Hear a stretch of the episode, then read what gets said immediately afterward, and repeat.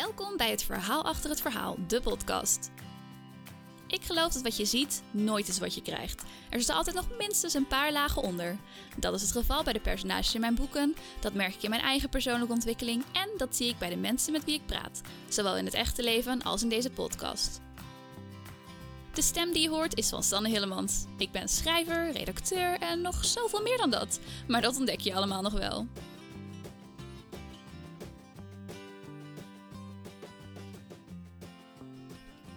Welkom terug bij de tweede podcast. Ik heb er even over gedaan om deze tweede podcast op te nemen, omdat ik het eh, idee in mijn hoofd had dat ik me heel goed moest voorbereiden. En dat is natuurlijk eigenlijk helemaal niet zo, uh, want ik ga gewoon praten.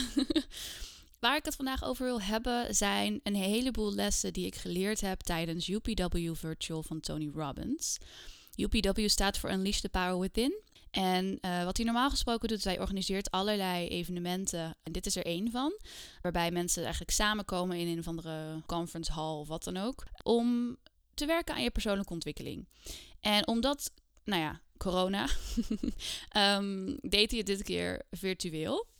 En daardoor was het ook enigszins betaalbaar. Dus was ik blij dat ik erbij kon zijn. Want normaal gesproken zijn deze dingen best wel duur. En dat is dus op zich, het is nog steeds niet goedkoop. Maar het was nu in ieder geval betaalbaar, omdat het um, digitaal was allemaal. Ik heb er ongeveer, volgens mij, dan 370 euro voor betaald. En het was dan vier dagen.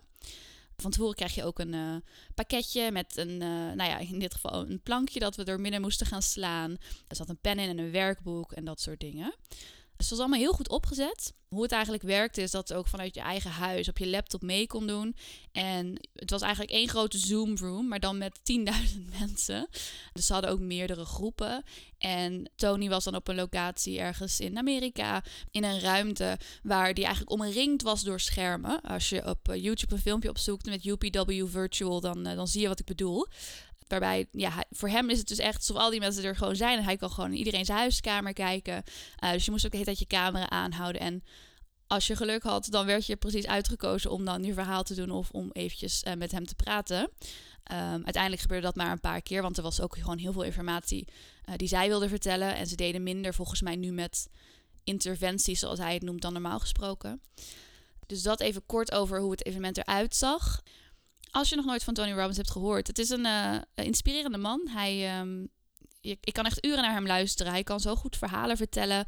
En in alles wat hij zegt zit altijd een kern van waarheid, omdat hij het zo erg heeft over eigenlijk de kern van de mens. En ik heb heel veel dingen die hij tijdens het weekend heeft gezegd uh, opgeschreven. Soms ook echt gewoon quotes, maar ook gewoon alle theorieën die hij helemaal heeft uh, meegedeeld. En een aantal van die quotes wilde ik met jullie delen. In mijn hoofd had ik dus dat ik helemaal moest voorbereiden en eventjes alles weer moest doorlezen zodat het goed in mijn hoofd zat. Maar er is een grote kans dat het nog wel goed in mijn hoofd zit. En anders dan zoek ik het ter plekke wel even op en knip ik die stukjes eruit. Dus ik dacht, ik ga er gewoon voor.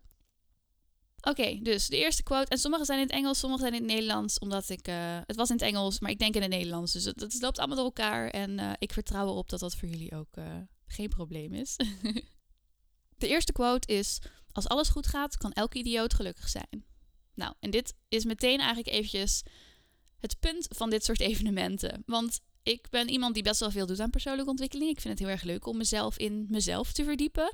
En um, te ontdekken wat er allemaal achter zit. En welke lagen ik allemaal heb. Maar ook welke lagen andere mensen hebben of kunnen hebben.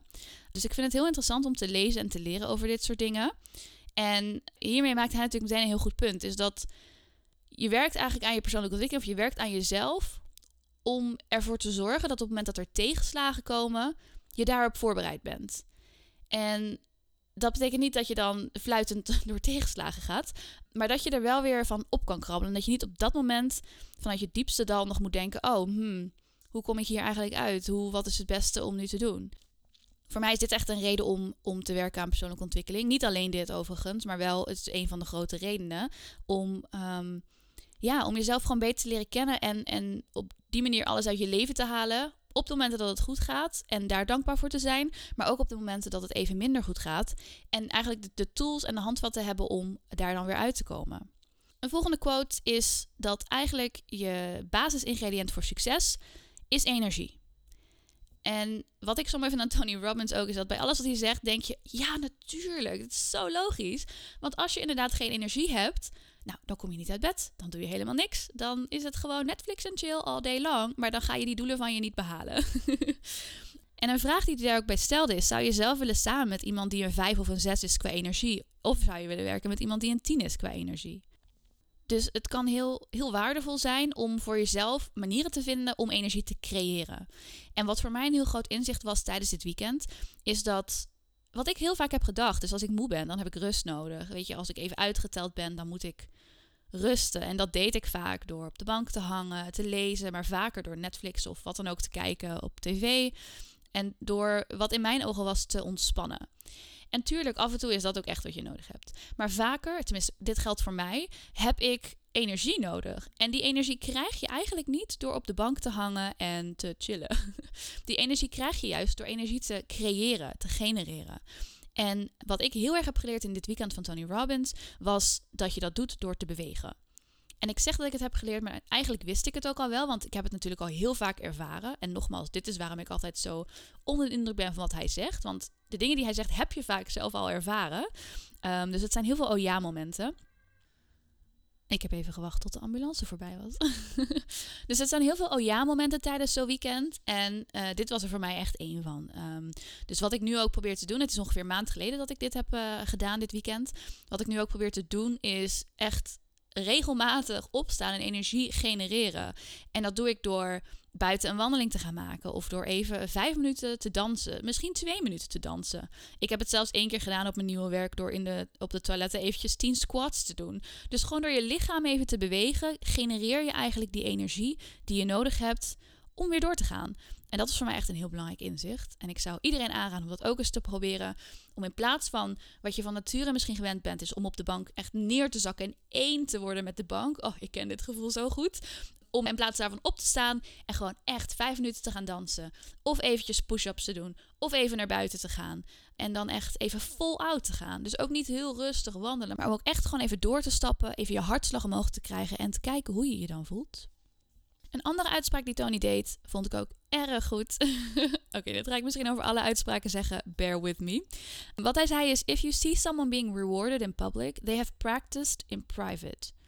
Dus als je ziet dat iemand roem krijgt of lof krijgt of uh, geprezen wordt in het openbaar, betekent dat vaak dat ze in een comfort van hun eigen huis of waar dan ook heel veel hebben geoefend. Dus wat dit eigenlijk wil zeggen is dat dingen komen vaak niet aanwaaien. Wat ik hier zelf ook wel een heel, heel, mooi voorbeeld van vind. En voor iedereen die een beetje in de boekenwereld zit, ken je vast uh, Chinook Thijssen. En zij heeft op een gegeven moment een keer een post gedeeld die me altijd is bijgebleven. Is omdat eigenlijk bij elke stap van haar succes, dat mensen zeiden: Oh ja, maar het komt je ook allemaal wel een beetje aanwaaien. Hè? Um, niet, misschien niet met die woorden, maar dat dat wel geïmpliceerd werd. Terwijl zij eigenlijk heel strategisch alles heeft opgebouwd. En ja, daar heb je een lange adem voor nodig. Dat is denk ik zo voor veel dingen in het leven. Maar ik vond het heel mooi om daar bij haar ook te zien hoe dat kan als mensen je dan gaandeweg tegenkomen. Hoe het lijkt alsof het een beetje aankomt waaien. En ik heb deze gedachte bij mezelf ook gehad. Want ik heb, ben sinds dit jaar begonnen met het aanbieden van diensten. En sinds een paar weken begint dat opeens heel goed te lopen. En dan kan ik denken, oh, het begint opeens goed te lopen. Maar nee, ik heb daar echt eigenlijk heel veel moeite in gestoken om dat te laten lopen. Ik heb zelf, ik ben heel erg zichtbaar geweest. Ik heb mensen laten weten dat het kan. Nou, het gaat om boeken die geschreven worden. Dus dat is misschien niet meteen de dag erna dat mensen klaarstaan om je dienst af te nemen. Daarnaast heb ik zelf ook uitgeverijen benaderd om, om opdrachten te vragen. Dus ik ben daar zelf heel erg achteraan gegaan. Dus als het nu misschien ook lijkt alsof het opeens allemaal van een leien dakje gaat met mijn ZZP-schap, um, dat is omdat ik daar zelf heel veel aandacht en tijd in heb gestoken. En hetzelfde geldt als jij straks misschien iemand voorbij ziet komen, misschien wel ik, we weten het nog niet, met een boekcontract. Um, dan kan dat lijken als, oh, opeens heeft die ook een boekcontract. Maar iemand kan daar al jaren naartoe hebben gewerkt. Dus ik vond het een hele mooie realisatie om te bedenken dat als je inderdaad ziet dat iemand ergens lof voor krijgt, dat ze daar heel hard voor hebben gewerkt. En dat mogen we ook best realiseren. En daar mogen, daar mogen we iemand ook echt voor prijzen. Want het is heel zelden dat je iets uh, komt aanwaaien. En zelfs als je iets komt aanwaaien, dan zul je er alsnog moeite voor moeten doen om het te behouden of om het te vergroten um, of om er überhaupt mee om te kunnen gaan. De volgende krachtige uitspraak die ik wilde bespreken is de volgende. Your only limit is the one you accept. En die moet je misschien even laten landen. Want wat het eigenlijk zegt is dat je, weet je, mensen roepen altijd leef je beste leven, maar iedereen heeft een ander beeld van wat dat beste leven is. En als ik bijvoorbeeld naar mezelf zou kijken, Ik ben bijvoorbeeld vrij tevreden met een, uh, een vrij kleine studio in Amsterdam, waar ik veel te veel geld voor betaal. Met een bescheiden salaris. Als ik alles maar kan kopen dat ik op dagelijkse basis nodig heb, en dat dat is op dit moment gewoon niet veel, ben ik tevreden. Maar dat betekent ook dat het voor mij misschien lastig is om ooit miljonair te worden. Omdat dat niet een eis is die ik aan mezelf zal stellen. Omdat ik niet het gevoel heb dat ik dat geld nodig heb. Uh, omdat ik misschien meer zoiets heb van wat moet ik met al dit geld? Uh, aan wie kan ik het zo snel mogelijk weggeven? dus dat is, het is heel erg. Dingen zitten altijd heel erg in je hoofd. Maar ook dit zijn limieten die je jezelf oplegt. Als ik bijvoorbeeld mijn huis kwijt zou raken, dan zou ik niet accepteren dat ik dakloos word. Dus dan komen er altijd wel oplossingen waardoor ik weer op mijn pootjes terechtkom. En daar geloof ik ook oprecht in. En dat moet je ook kunnen geloven. Uh, maar als je dat niet gelooft, is dat misschien de eerste stap om aan te werken. Dat je overal zelf invloed op hebt. Dus de limit dat, die ik accepteer, is dus eigenlijk dat ik heel bescheiden woon, een bescheiden salaris verdien en gewoon leuk door het leven ga. Dus dat betekent ook niet dat ik dan heb gefaald in mijn doelen, want voor mij was dit eigenlijk ook al prima. Dus die ondergrens die je voor jezelf stelt, is doorgaans waar je leven uit zal bestaan. De volgende uitspraak is: focus is power. Ja, misschien heb je hem al een keer gehoord, hè? waar aandacht vloeit, bloeit of iets in die trant. Waar je aandacht aan geeft, dat groeit. Um, waar je op focust, dat groeit. Dat is ook de reden dat ik altijd misschien is dat niet de reden, maar onbewust is dat misschien de reden, dat ik altijd een heel positief persoon ben geweest. Omdat je kan je wel focussen op de negatieve dingen, maar dan word je meegezogen in een zwart gat aan negativiteit, waar je dan volgens moeilijk uitkomt, omdat je het overal gaat zien. Je focust je daarop. Dus dat is waar je meer van gaat zien. Het is net als wanneer iemand tegen jou zegt: Hey, is het je wel eens opgevallen dat er heel weinig regenboogkleurige auto's zijn? En op het moment dat jij dan een keer een regenboogkleurige auto ziet, dan denk je, oh, maar zie je wel, er is er wel een. En dan zie je er misschien nog een keer een, omdat je erop let. Dat is precies hetzelfde met, met al het andere. En dat is ook waarom dingen zoals visualisatie zo goed werken. Omdat als je dingen voor je gaat zien en, en het komt in je hoofd, dan gaat, hè, wat iedereen altijd zo populair noemt, de wet van aantrekkingskracht werken. Omdat je erop gericht bent, ga je het ook aantrekken, omdat je de kansen überhaupt gaat zien. Toen ik vroeger nooit aan mensen vertelde dat ik schreef, was het allemaal ook heel onduidelijk en wist ik niet eens hoe ik die wereld in zou moeten komen. Op een gegeven moment ga je dat misschien een beetje delen met een paar mensen. Nou, nu roep ik het van alle daken. En nu komen er ook zoveel meer kansen op een pad, omdat ik het nu overal zie. Omdat ik er zo op gefocust ben dat ik een heel simpel oproepje op Twitter misschien er al uit zou kunnen halen om iets mee te doen. Dus het is belangrijk om je te richten op wat je wil maar daarin ook enigszins te werken aan, aan je mindset. Dus in plaats van dingen te zien als: oh, alles is kut. uh, wat heb ik een zwaar leven? Kan je ook richten op alles dat er wel is. En je heel erg focussen op die dankbaarheid. Want dan ga je ook daar steeds meer van zien. Dus ja, dit is echt iets waar ik heel gepassioneerd over ben, omdat ik dit zo erg heb ervaren in mijn leven. Ik heb ook echt wel weekenden of dagen of momenten, of misschien zelfs wel weken gehad, waarin ik eventjes alleen maar alle sombere dingen inzag. Um, ja, is trouwens ook niet helemaal waar, want ik ben echt wel een heel positief persoon, normaal gesproken. Uh, maar ik heb echt wel mijn momenten waarop ik ook even denk, meh, alles is stom en ik vind het niet meer leuk. Maar ik kom daar ook vrij snel weer uit, omdat ik weet dat ik me moet richten op wat er wel is en waar ik wel dankbaar voor ben. Um, en dat door dat te doen, krijg ik daar meer van. En voel ik me beter. En dit is ook iets heel moois wat hij zei. En ik spring even naar een andere quote, omdat hij er zo goed bij past. Is dat het niet een positieve bla bla bla is als jij ervoor kiest om de goede dingen te zien of om de mooie dingen te zien en je enigszins probeert af te sluiten voor negativiteit. Dat is juist heel intelligent, omdat je weet dat waar je je op focust, dat dat groeit. Dus als je je focust op de goede dingen, is dat eigenlijk juist heel slim, want dat gaat dan groeien. Dus ja, dat vond ik ook echt heel mooi om, uh, om te realiseren. De volgende uitspraak is: stress is fear. Maar het is niet cool om te zeggen dat je bang bent. En het is wel cool om te zeggen dat je gestrest bent. Maar stress komt eigenlijk altijd weg uit een soort van angst. Misschien ben je gestrest omdat je te veel te doen hebt. Ligt daar misschien onder dat je bang bent dat mensen je uh, zwak zullen vinden als je het niet allemaal kan. Misschien ben je gestrest omdat je bijna de trein gaat missen. Maar daar ligt misschien een angst onder dat je bang bent dat een ander je zal veroordelen als je te laat komt. En dit zijn een paar voorbeelden en ik kan dit ook niet allemaal noemen omdat het voor mij natuurlijk heel anders zal zijn dan voor jou. Maar waar ik bijvoorbeeld wel eens stress over heb, is eigenlijk op dit moment. Het is bizar dat ik deze podcast aan het opnemen ben, want ik heb heel veel te doen. Ehm, maar ik kan heel erg blokkeren door te veel te doen uh, te hebben. En ik voel me echt een levend voorbeeld op dit moment. En daar ervaar ik dan stress aan. Maar de angst die daar eigenlijk voor mij onder zit, is dat ik het straks niet afkrijg. En als ik het niet afkrijg, dat mensen mij gaan zien als onprofessioneel. Dat ze volgens niet meer met me willen samenwerken. Dat ik daardoor de opdrachten verlies. Dat alles in de soep loopt en mijn hele leven eraan gaat. Dus dit kan vrij snel escaleren. maar het is niet cool om te zeggen: Oh, ik ben bang dat dit gaat gebeuren. Dus zeggen we dat we gestrest zijn. Dus ik zou je ook heel erg willen aanraden: is de volgende keer dat je het gevoel hebt dat je gestrest bent, probeer eens bij jezelf na te gaan wat daaronder ligt. En kijk of je die kern kan aanpakken.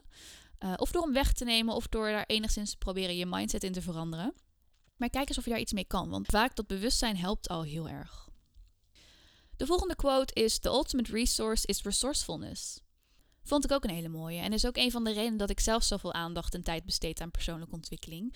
Want als ik zelf steeds meer kan en meer leer, dan kom ik nooit meer in de problemen, om dat maar zo te zeggen.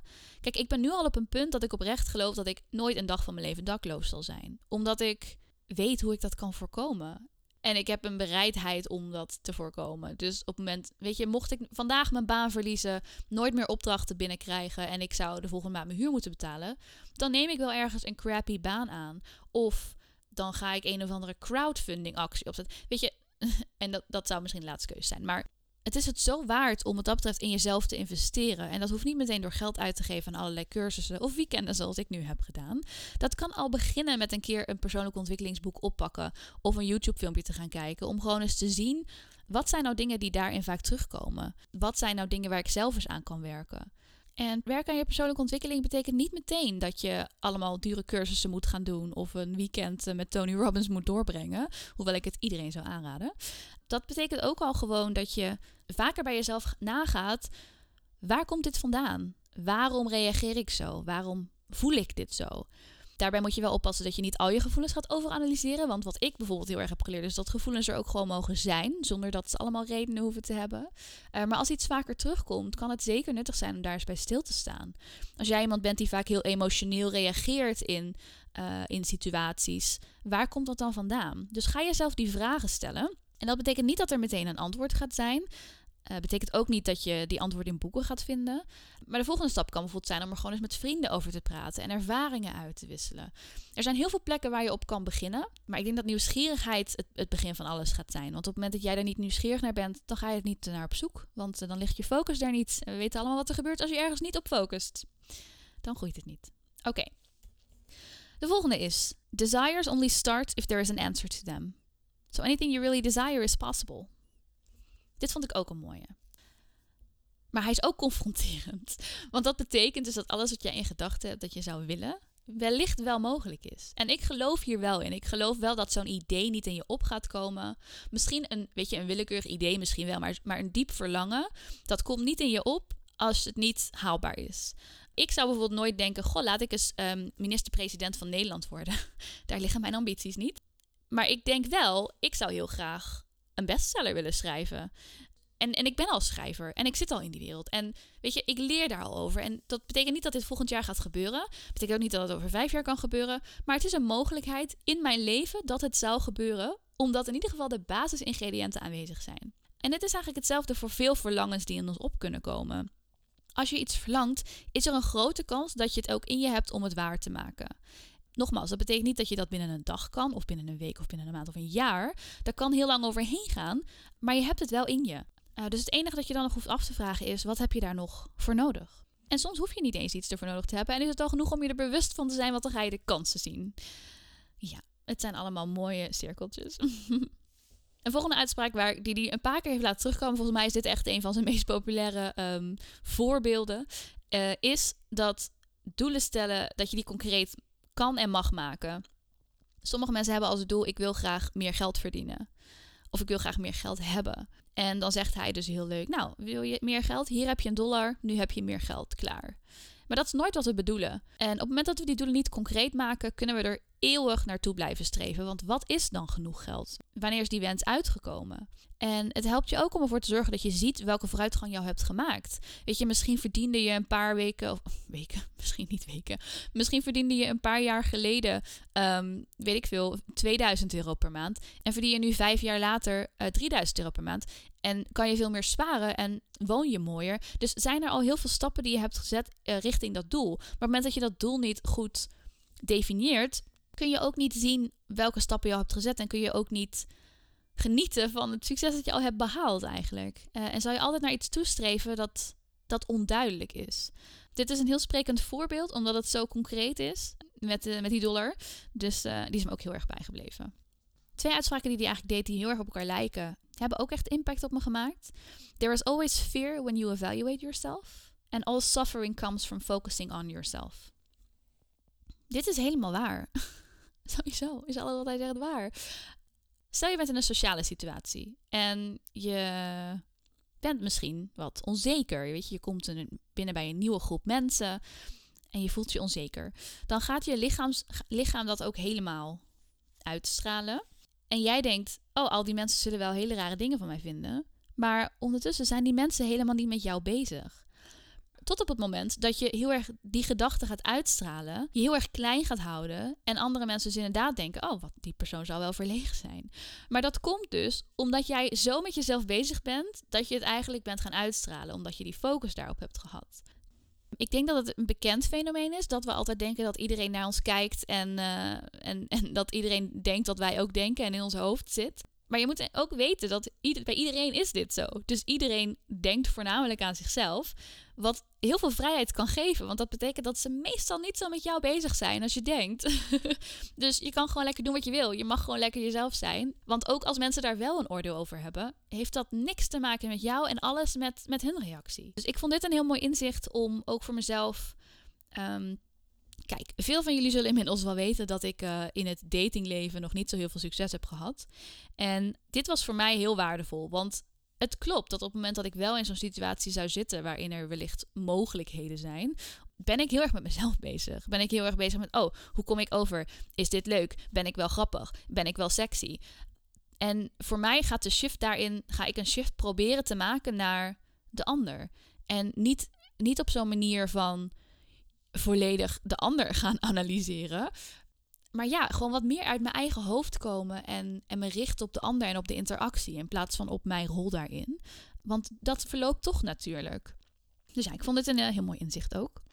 De volgende uitspraak die pakt een beetje terug op waar we het eerder ook al even over hadden. Dus dat uh, als je iemand uh, roem ziet krijgen in het openbaar, dat ze in privacy van hun eigen huis hebben geoefend. Deze uitspraak is namelijk success leaves clues. En ja, dat heeft daarmee te maken, hè, dat iemand er altijd naartoe heeft gewerkt. Maar het betekent ook dat je dus kan gaan kijken hoe anderen het doen als zij succesvol zijn op een gebied waar jij succesvol op wilt zijn. Om even bijvoorbeeld een voorbeeld te nemen. Weet je, zo iemand als Tony Robbins, die kan gewoon 12 uur achter elkaar spreken. Nou is zijn stem helemaal naar de kloten en heeft hij al heel vaak dingen gehad met zijn stembanden en is, dat een groot drama. Um, maar hij, is, hij heeft zoveel energie en hij is fysiek in zo'n goede shape dat hij dat kan. Dan kan je denken, oh ja, maar dat kan hij gewoon. Maar nee, zo werkt dat niet. hij doet daar allemaal dingen voor om dat te kunnen. En dat doet hij al zijn hele leven lang. Dus, dus die, die clues, die kan je oppikken. En dat zal weer per persoon en per skill die je misschien wil hebben verschillen. Uh, maar wees je daarvan bewust dat, dat dingen bijna nooit geluk zijn. Er zit altijd wel iets in wat iemand doet uh, dat zorgt voor dat succes. En soms is het genoeg om daarnaar op zoek te gaan en te kijken of je dat kan modelleren. En soms zijn het dingen die voor iedereen net iets anders zullen zijn. Maar je kan het altijd uitproberen en kijken wat voor jou werkt. Een ander leuk voorbeeld dat hij gaf over die focus die wij hebben. Hoe dat leidt tot waar we komen. Hij vertelde over een, een situatie dat hij met een of andere vriend op een racetrack was. Dat heet gewoon racebaan in het Nederlands, Sanne. en nou ja, ik, ik ga niet het hele verhaal navertellen, maar het kwam neer dat hij in een situatie zat waarin hij bijna zou verongelukken omdat ze wilde testen hoe snel die kon reageren. En dit zijn dingen die ik misschien niet per se zou nabootsen in mijn eigen leven, maar het zorgde voor een goed verhaal. Wat namelijk verteld werd op dat moment, is dat wat 95% van de mensen doet, ik, ik, noem maar een random percentage, pin me daar niet op vast. Maar wat een groot deel van de mensen doet, is op het moment dat je een ongeluk krijgt, doordat je voelt bijna tegen een paal aanbotst, dan richten wij ons op die paal en denken we: oh nee, ik mag niet de paal raken. Nee, niet, niet naar de paal toe. Maar ondertussen denk je wel aan die paal. En wat dus blijkt is in zo'n, in zo'n split-minute decision, wat je dan doet is je stuurt naar die paal toe, omdat je je daarop richt. En als je in plaats daarvan zou richten op, oh, ik moet weer de weg op, ik moet weer de weg op, dan richt je misschien op de weg en stuur je die kant op. En dit had hij dus eigenlijk een soort van geëxperimenteerd uh, met gevaar voor eigen leven. Wat, het een, wat een beetje dramatisch is, maar wel zorgde voor een goed verhaal. En wat dit ook weer heel mooi illustreert. Een andere uitspraak die ik uh, denk ik een beetje in het midden laat en waar ik niet heel veel over uh, uit te leggen heb, is de volgende. Everyone's life is either an example or a warning. Denk daar maar even over na. Uh, de volgende is: Progress is happiness. Not achievement is happiness. Ben ik het ook helemaal mee eens. Want denk even na, ik ga even meenemen in de oefening die ook bij ons deden. En is heel kort, dus maak je niet druk. denk eens terug aan het moment dat jij een doel had gesteld voor jezelf. En hoe blij je zou zijn als je dat doel had bereikt. En dat je op het punt kwam dat je dat doel had bereikt. Hoe lang heb je daar nog geluk van ervaren? Nou, dit kan variëren van nog een paar weken, een paar maanden, tot een paar minuten.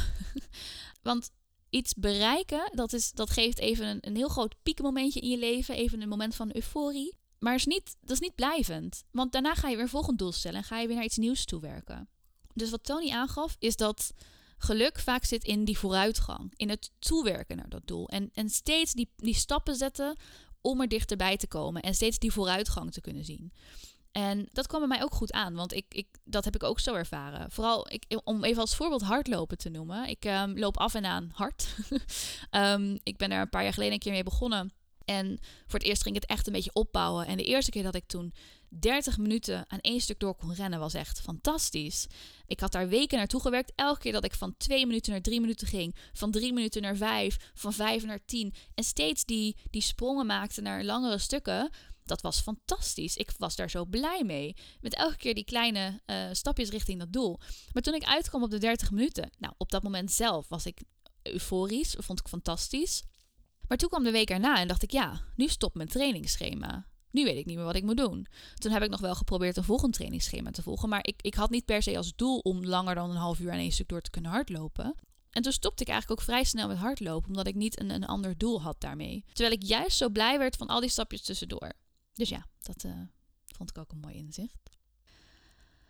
Een volgende, en uh, ik hoop dat jullie er klaar voor zijn. We hebben nu een beetje opgebouwd naar de persoonlijke ontwikkeling en de, we kunnen dingen aanpakken in ons leven en uh, we zijn er zelf verantwoordelijk voor. de volgende is Make decisions.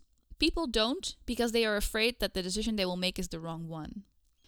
Maar op het moment dat je geen beslissingen neemt, gebeurt er niks.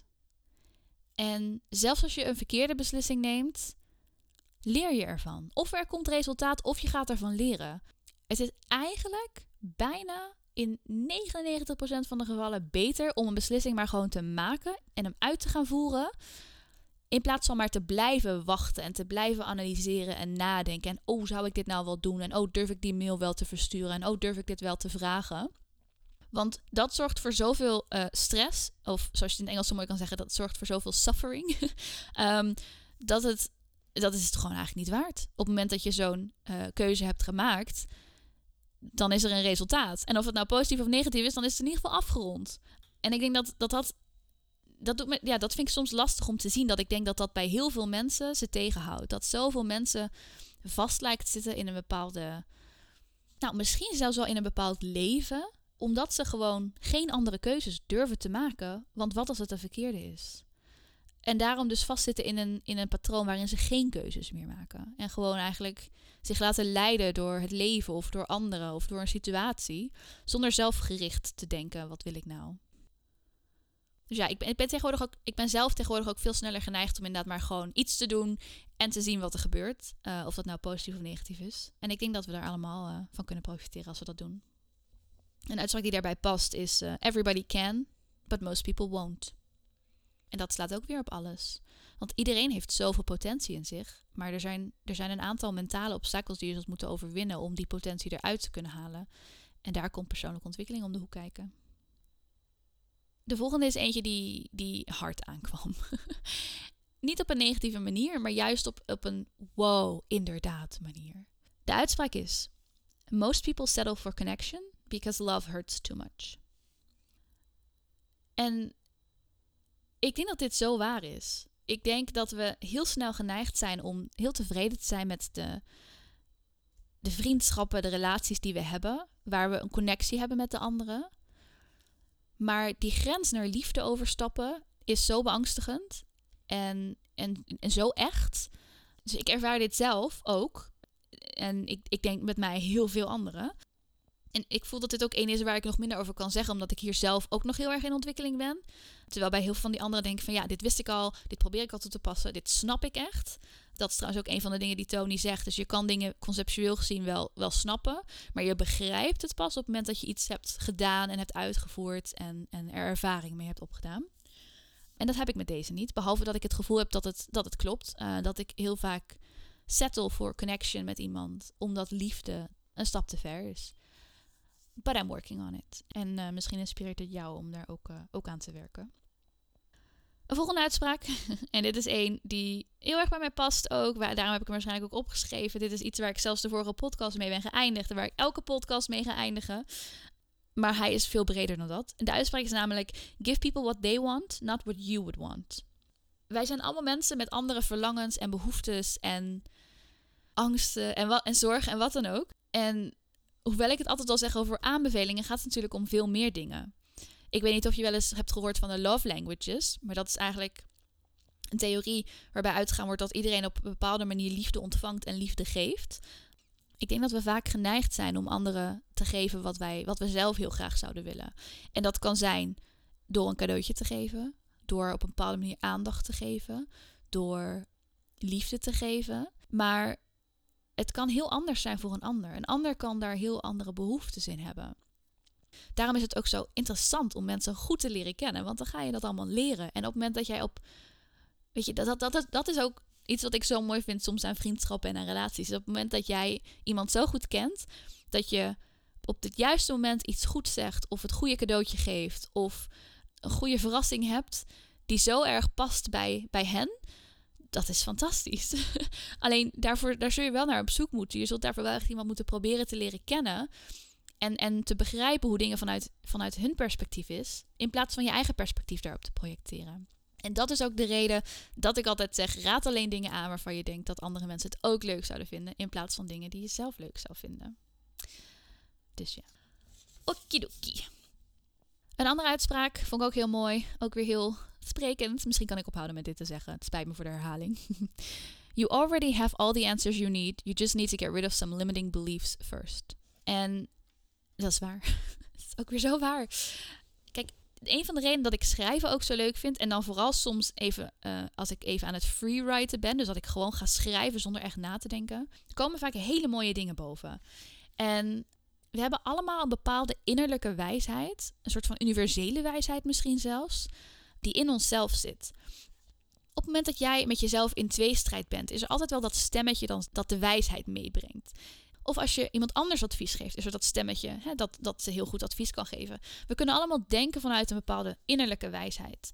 En ik merk ook dat ik soms met het praten vastloop bij al deze onderwerpen. Omdat, omdat het gevoelsmatig heel erg een ja, dat klopt is. Maar dat om het dan even kort rationeel uit te leggen is soms lastiger. En daarom doet Tony dat ook zo goed, omdat hij het doet aan de hand van hele uitgebreide verhalen. Maar die ga ik allemaal niet navertellen. Dus ik probeer het zo goed mogelijk over te brengen. Ik hoop dat dat enigszins lukt. maar die wijsheid die we allemaal in ons hebben, die kunnen we heel makkelijk ook aan de kant schuiven. Daar, daarvan kunnen we heel makkelijk zeggen: nee, dit klopt helemaal niet. Of nee, dit is onzin. Of rationeel gezien is dit niet. Weet je, we kunnen heel makkelijk daaraan voorbij gaan.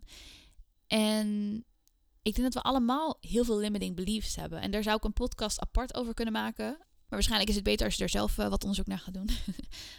we hebben allemaal beliefs die ons beperken. En dat, dat is gewoon heel zonde. En dat is een, uh, een soul search uh, avontuur om daarachter te komen.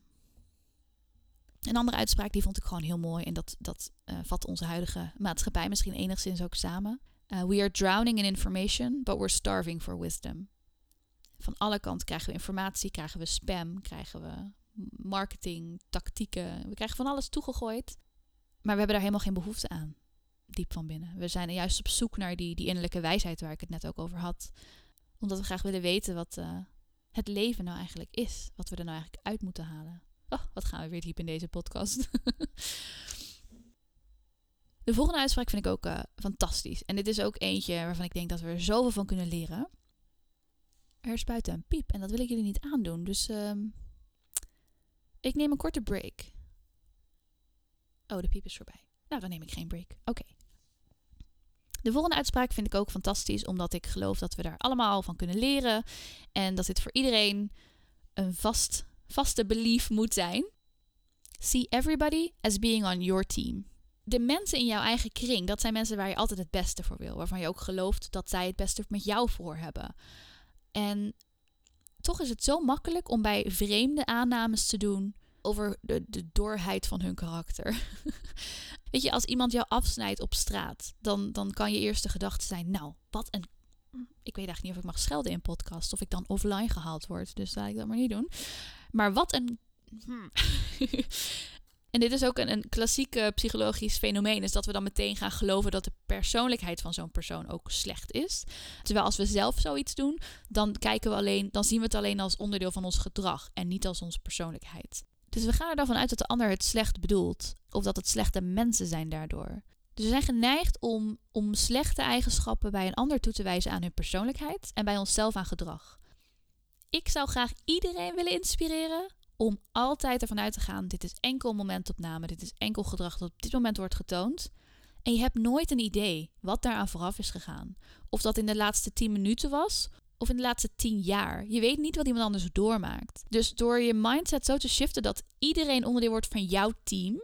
Je eigen team, dat moedig je aan. Daar hou je van. Daar, daar doe je alles voor. En je kan ervoor zorgen dat de hele wereld in jouw team zit. Je kan iedereen aanmoedigen en opvrolijken en verder helpen en uitgaan van het goede in hun hart. ik ben er heel gepassioneerd over, omdat dit is iets. Dit kan lastig zijn, maar dit is, dit is hoe je zoveel onnodig leed voorkomt. Door alleen maar iemand een glimlach te geven als ze in een slechte bui lijken. Door iemand aan te moedigen als ze zelf eventjes struggelen met onzekerheid te ondersteunen als ze even als ze het moeilijk hebben. Maar ook door met iedereen plezier te maken en iedereen jouw vriendelijkheid te tonen. Iedereen is onderdeel van jouw team en dat mag je ook zo gaan zien. Als een van jouw familieleden een keer een slechte dag heeft en je afkat, dan weet je nog steeds dat het een goed persoon is en dat ze van je houden. En dit is iets dat je mag geloven van iedereen.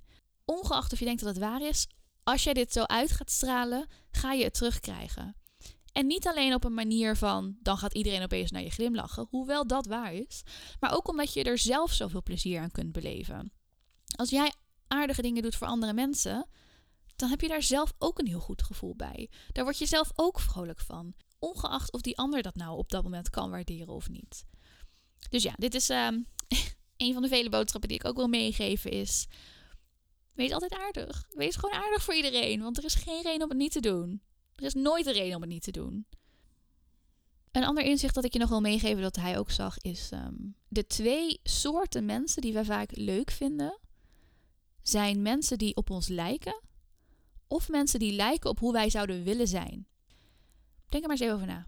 Misschien zijn er mensen in jouw omgeving waar je bewondering voor hebt of die je leuk vindt, omdat ze bijvoorbeeld een eigenschap hebben of iets doen wat jij ook graag zou willen doen of hoe jij zou willen zijn andere mensen die lijken misschien heel erg op jou qua waarden en normen of qua hoe ze denken over bepaalde dingen of misschien zelfs qua gedrag. En dat kan ook heel veel inzicht bieden in jezelf. Want op het moment dat jij iemand namelijk niet leuk vindt of een, een, een afkeer hebt van iemand of iemand irritant vindt, is het bijna altijd iets onderliggends aan jou waar je irritant aan vindt. Wat bijvoorbeeld een van mijn dingetjes is, dat zal ik ook maar gewoon even eerlijk delen, is ik kan er soms heel slecht tegen als mensen iets langzaam doen. Ik uh, ben vrij uh, snel, heb je misschien wel gemerkt aan me. Niet alleen in mijn praten, maar in alles. Ik denk ook snel. Ik wil alles graag snel. Wat niet betekent dat ik per se ongeduldig ben. Maar een klassiek voorbeeld uit mijn studententijd was. Ik herinner me nog zo goed. ik was met een vriendin bij de supermarkt. Ik had afgerekend en ik stond daar klaar.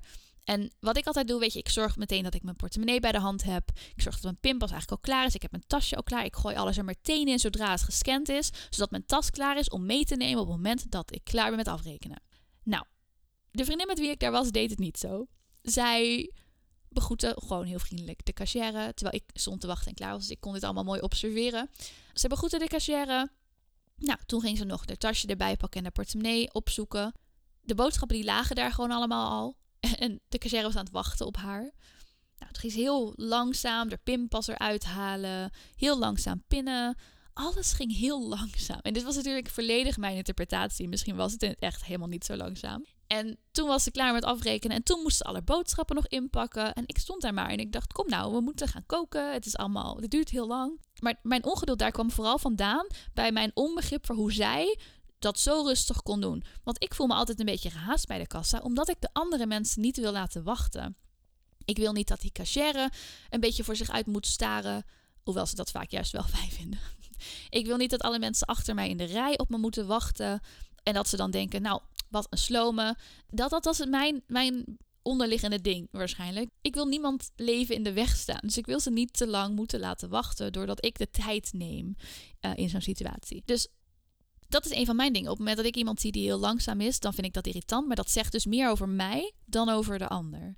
En dat is bij alles zo. Maar dat is hetzelfde als bij dingen die je bewondert in een ander. Dat zijn vaak kwaliteiten of vaardigheden die je in jezelf zou willen ontwikkelen. En het kan dus heel nuttig zijn om daar eens bewust van te worden. En eens te kijken in je omgeving bij wie je dat hebt. Want dat kan misschien, ja, dat kan misschien de start zijn voor je eigen reis in persoonlijke ontwikkeling. een van de dingen waarom zo'n evenement als dat van Tony Robbins zo goed werkt, is omdat het vier dagen lang alleen maar dat is. Het begon s ochtends vroeg om iets van tien uur, geloof ik. En het duurde dan ook tot tien uur s avonds. En was een keer wel een half uurtje om te eten. Maar voor de rest was je de hele tijd bezig. En het was ook de hele tijd bewegen tussendoor. En um, hele goede informatie die je tot je kon nemen. Oftewel, het was een full immersion. Een onderdompeling. Ja, soms vind ik Engels toch beter dan het Nederlands. Maar onderdompeling vind ik nog wel een leuk woord. Dus je dompelt je helemaal onder in het leren van iets nieuws. En uh, een van de dingen die hij dan ook zegt, is dat dat vaak de beste manier is om iets te leren. Ik ben zelf nog wel eens geneigd om iets heel gefaseerd te leren. Dus dat ik graag, weet je, een cursusje doe van een uurtje per week of een half uurtje per week of wat dan ook. Terwijl als ik iets echt zou willen leren, zou ik eigenlijk gewoon een heel weekend ervoor moeten uittrekken en alleen maar dat gaan doen. En ook dit is weer zoiets waarvan ik denk, ja, dit is inderdaad zo. Want dit heb ik in het verleden wel eens ervaren. Dat als je iets gewoon heel lang achter elkaar doet, dan word je er beter in. Terwijl als je er steeds in komt en er dan weer uit moet stappen en op zo'n manier doorgaat, is het vaak veel lastiger om iets echt goed te leren. Zo deden we dat als kind ook niet. Weet je, als wij eenmaal gingen lopen, dan was het niet zo nou elke dag een stapje en dan kijken hoe ver we komen. Nee, we, hadden gewoon op een dag bedacht, ik wil nu leren lopen. Of misschien bedachten we dat niet, maar we deden het wel. We stonden op en we bleven opstaan en we bleven maar een beetje lopen tot het lukte. Dus dit, is, dat was voor mij ook een goed inzicht van als ik echt iets wil gaan leren, dan moet ik daar gewoon even goed de tijd voor nemen. En echt een paar dagen voor uittrekken en alles in die paar dagen doen om het te leren. In plaats van af en toe een cursusje hier of daar. De volgende uitspraak is: The truth is almost always the opposite of what we tell ourselves.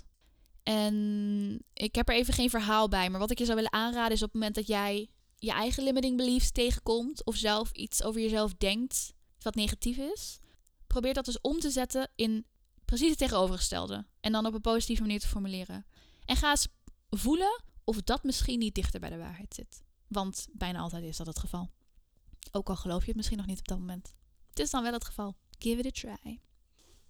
Wat hij ook nog zei, we hadden de laatste dag van het evenement was uh, Health Day. En dat was eigenlijk uh, voor mij iets minder interessant, omdat het ging over heel veel eh, gezondheidsdingen, over plantaardig eten ook onder andere, waarvan ik denk, ja, dat doe ik al jaren. Um, daar heb ik in mijn vorige podcast ook wat over verteld, hoe dat voor mij begonnen is. Dus dat was voor mij allemaal iets minder interessant. Maar een van de dingen die me wel heel erg is bijgebleven, is, en hij deed dat heel grappig, hij had een common sense corner. Dus elke keer als, als je iets leert over uh, voeding of gezondheid of over van die dingen die mensen je dan proberen te vertellen.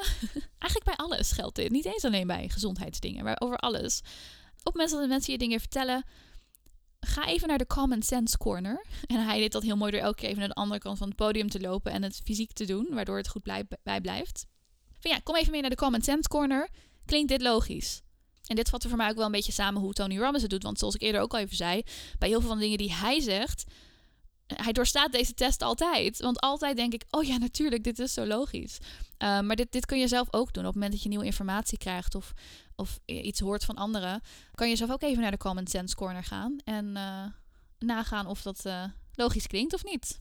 Het is eigenlijk heel simpel. Je hoeft niet alles zomaar te geloven. Je kan zelf nagaan bij die innerlijke wijsheid, maar ook bij je eigen ervaringen. Of iets lijkt te kloppen. Nou, waar ik mee wil eindigen is een vraag eigenlijk. Een vraag die hij ook stelde en die gewoon goed is om uh, in gedachten te houden. Am I living on purpose or am I living by accident? Weet je, ben je proactief in je eigen leven of ben je heel reactief in je eigen leven? En een van de dingen die hij daar nog aan toevoegde is: uh, jump in the arena. Don't be one of those judgy people on the sidelines. Nou, dat uh, zou ik je heel graag willen meegeven. Niet dat laatste, maar gewoon een beetje denken voor jezelf erover na. Het is, het is interessant om te leren over jezelf.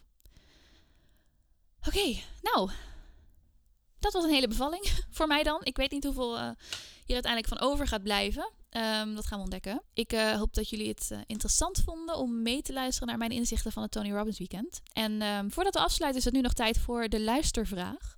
Zoals ik in de vorige podcast al even noemde, wil ik aan het eind van elke aflevering afsluiten met een luistervraag. Dus als jullie vragen voor me hebben, stuur ze me vooral even toe via social media. Ik ben overal te vinden onder dezelfde naam, namelijk mijn eigen naam, Sanne Hillemans. Ik hoor heel graag van jullie. En dan pak ik nu even de vraag van deze week erbij. Oké, de luistervraag van deze week kwam van Marleen. En um, nou, die was uh, blij verrast met mijn eerste podcast en gaf aan dat ik een fijne stem had om naar te luisteren. Dus dat is heel lief, dankjewel. Zij vroeg naar mijn activiteit op Instagram. Uh, zoals jullie misschien wel weten ben ik daar heel actief, vooral in de stories. En deel ik daar eigenlijk heel vaak dingetjes uit mijn leven. En haar vraag was, hoe strategisch pak je dit aan qua marketing? En kan ik iets vertellen over de resultaten daarvan, qua volgers, klanten en lezers enzovoort? Nou, vond ik een hele goede vraag, want ik kan me voorstellen dat, dat jullie dat misschien ook afvragen. Wat voor strategie daarachter zit is eigenlijk 0,0. ik ben echt een hele impulsieve poster, als ik het zo kan zeggen. Ik, um, stories, dat is gewoon wanneer ik er zin heb. Soms denk ik op een dag, oh, ik zou een keer een story moeten plaatsen. En soms dan is er een dag waarop ik opeens overal een mogelijkheid zie om eventjes kort iets met jullie te delen. Mijn voornaamste doel in de stories is eigenlijk echt om jullie dag iets leuker te maken. Ik wil graag een glimlach op jullie gezicht toveren. En eigenlijk die positiviteit die ik van nature al in me heb, ook met jullie delen. Ik hoop dat dat gewoon enigszins aanstekelijk werkt. En dat jullie daardoor allemaal iets positiever worden. En iets blijer zijn. En dat weer gaan uitstralen naar de wereld. Dus ik hoop daar, daar hoop ik op met mijn um, stories voornamelijk. Want dat is, ja, dat is, uh, daar komen de TikToks, om het maar zo te zeggen. Ik probeer ook dingen te delen waarvan ik denk dat er misschien lessen in kunnen zitten. Of, of nieuwe inzichten kunnen creëren.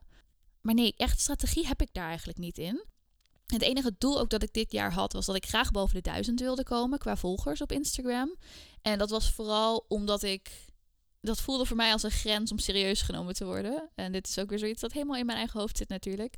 Um, maar het voelde als je moet gewoon minstens duizend volgers hebben. En dat, dat wilde ik ook heel graag. Verder ben ik eigenlijk helemaal niet ook zo bezig met aantallen. Uh, nu ik ook boven de duizend volgers zit, interesseert het me allemaal niks meer. Um, en kijk, ik kijk er nog wel af en toe naar, maar het, ik heb er geen doel meer bij. 10.000 zou ooit leuk zijn, omdat je dan de swipe-up kan doen. Maar ik, ik, ben nu niet bezig met, oh, ik wil er elke week zoveel bij krijgen, bijvoorbeeld. Uh, als het maar boven de 1000 blijft, ben ik eigenlijk al heel tevreden. Want dat vind ik gewoon een mooi getal om te hebben. Wat ik wel heel erg geloof en wat ook steeds vaker nu um, naar voren komt in mijn pad, is dat zichtbaarheid helpt. Ik probeer eigenlijk gewoon, ik wil heel erg graag laten zien dat je vanuit hoe je echt bent en je authenticiteit kunt leven. Maar ook dat het helpt om zichtbaar te zijn. Want op het moment, wat ik eerder ook al even zei, op het moment dat mensen niet weten, bijvoorbeeld dat ik de redactie voor je boek kan doen, of dat ik je kan helpen met de vormgeving van het binnenwerk, of kan proeflezen, of je zelfs met een inspiratiesessie eventjes op weg kan helpen. Als mensen dat niet weten, kunnen ze het ook niet bij je boeken. Dus waar ik wel voor zorg, is dat ik zichtbaar ben. Dat mensen weten wat ik doe. En ik denk dat we dat allemaal meer mogen doen. Ik denk dat ik het zelfs nog meer mag doen, want ik doe het vrij sporadisch eigenlijk. Dus doordat je zichtbaar bent, weten mensen je te vinden en kan je ook meer dingen aantrekken. Dus dat is wel iets wat ik enigszins bewust probeer te doen op social media. Maar voor de rest is het eigenlijk uh, één groot uh, feestje. En doe ik het vooral omdat ik het leuk vind. Wel heb ik uh, een paar klanten, denk ik, via Instagram weten te krijgen. Uh, soms krijg ik ook mailtjes en dan weet ik niet precies waar die mensen vandaan komen. Of dat nou is via gewoon een Google search. Of dat ze ooit ergens mijn naam tegen zijn gekomen. Of dat ze me inderdaad bijvoorbeeld uh, op Instagram volgen of hebben gevolgd. maar ik weet van een paar klanten wel dat ze inderdaad volgens mij via Instagram zijn gekomen dus ja, dat, dat gebeurt. Maar dat is omdat ik daar inderdaad zichtbaar probeer te zijn met, met mijn aanbod. Met wat ik kan doen voor je. En ondertussen probeer ik gewoon iedereen's leven een beetje leuker te maken. Door af en toe uh, een grapje erin te gooien. Dus ja, ik hoop dat dat je vraag een beetje beantwoordt. Heb jij nou ook een vraag voor mij? Mag over van alles gaan. Ik ben uh, een open boek als je me er naar vraagt. Dat is wel echt zo trouwens. Ik heb wel eens uh, het besef gehad dat, als, dat ik niet snel misschien dingen uit mezelf vertel. Maar dat je mag me alles vragen en daar geef ik dan ook zo eerlijk mogelijk antwoord op. Um, dus als je een vraag voor me hebt, uh, let me know. Heel erg bedankt voor het luisteren naar deze podcast over Tony Robbins. Mocht je nou nog meer willen weten of even willen zien hoe dat er nou ook echt uit heeft gezien, ik heb hier een vlog over gemaakt. Die kun je vinden op uh, Instagram in mijn IGTV's in twee delen. Die kan je ook vinden op uh, mijn YouTube-kanaal, op mijn website, op Facebook, op Twitter. Eigenlijk overal. Dus uh, als je even op zoek gaat, dan vind je het wel. Ik um, bedank je heel erg voor het luisteren. En hier komt mijn outro. Wat ontzettend leuk dat je hebt geluisterd naar deze aflevering van Het Verhaal Achter het Verhaal. Vond je deze podcast leuk of interessant? Dan wil je het misschien aanraden aan een vriend, vriendin, collega, familielid, wie dan ook. Maar voordat je dat doet, ik ben ervan overtuigd dat we mensen niet moeten aanraden wat wij leuk vinden, maar wat we denken dat zij leuk vinden. Dus vertel ze er alleen over als je iemand kent die mijn podcast misschien ook leuk zou vinden. Als je een minuut de tijd zou willen nemen om een review achter te laten op het platform waarop jij nu luistert, ben ik je erg dankbaar. En zoek me vooral even op op social media om me te vertellen wat je van deze podcast vond. Ik heet overal hetzelfde, Sanne Hillemans. Heel erg bedankt voor het luisteren en tot het volgende verhaal.